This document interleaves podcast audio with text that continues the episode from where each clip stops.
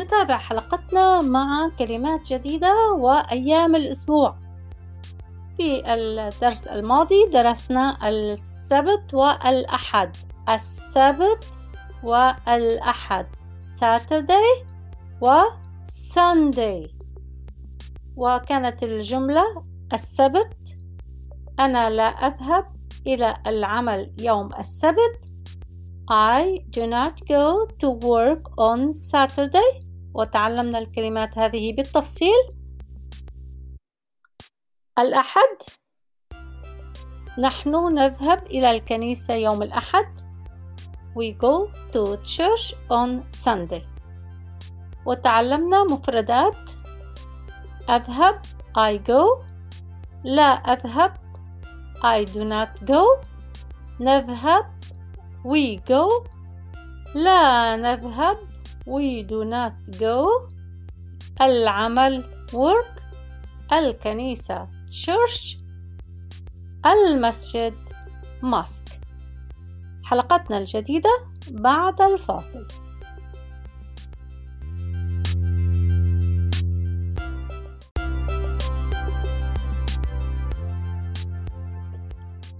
يوم الاثنين Monday. Monday Monday عندي I have I have موعد appointment appointment appointment أيضا appointment appointment appointment موعد وموعد واحد نقول an appointment حين نقول واحد لكلمة تبدأ بحرف صوتي نقول an بدل one an appointment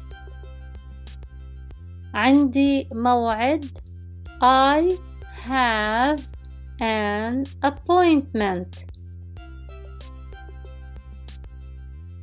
I have an appointment I have an appointment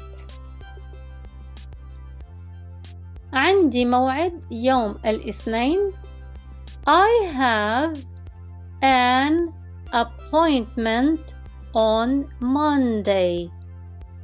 I have an appointment on Monday. I have an appointment on Monday. وإذا أردنا أن نقول ليس عندي موعد يوم الاثنين نقول I do not have an appointment on Monday. I do not have an appointment on Monday. I do not have an appointment on Monday. الثلاثاء Tuesday Tuesday Tuesday أزور I visit I visit I visit أهلي my parents my parents my parents my يعني لي parents أهلي my parents أهلي أزور أهلي I visit my parents. I visit my parents. I visit my parents. أزور أهلي يوم الثلاثاء. I visit my parents on Tuesday. I visit my parents on Tuesday. فإذا إن كنا نريد أن نتحدث عن برنامج يوم الاثنين وبرنامج يوم الثلاثاء ونريد أن نقول عندي موعد يوم الاثنين وأزور أهلي يوم الثلاثاء. مع بعض الجملتين تصبحان. عندي موعد يوم الاثنين أزور أهلي يوم الثلاثاء. I have an appointment on Monday and I visit my family on Tuesday. عندي موعد مهم يوم الثلاثاء I have an important appointment on Tuesday. I have an important appointment on Tuesday.